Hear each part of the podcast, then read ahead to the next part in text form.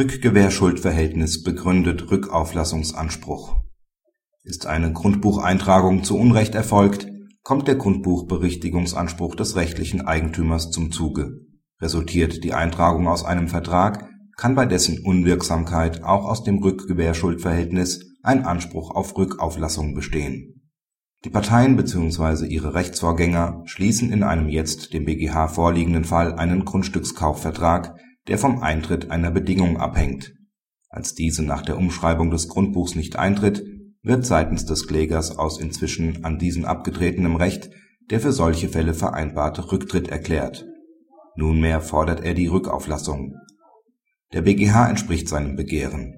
Zwar steht dem rechtlichen Eigentümer gegen den Bucheigentümer, wenn das Grundbuch durch dessen Eintragung unrichtig geworden ist, regelmäßig nur ein Grundbuchberichtigungsanspruch zu ein wahlweise möglicher Anspruch auf Rückauflassung besteht daher nicht.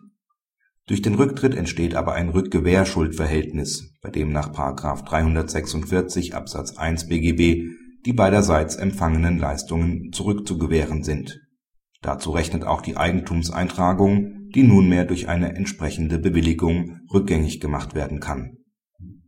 Praxishinweis Die Entscheidung ist zu begrüßen.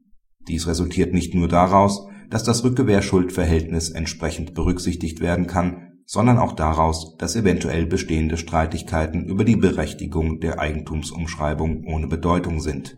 Denn der Rückgewähranspruch kann auch dann gegeben sein, wenn die Eigentumsumschreibung zu Recht erfolgt ist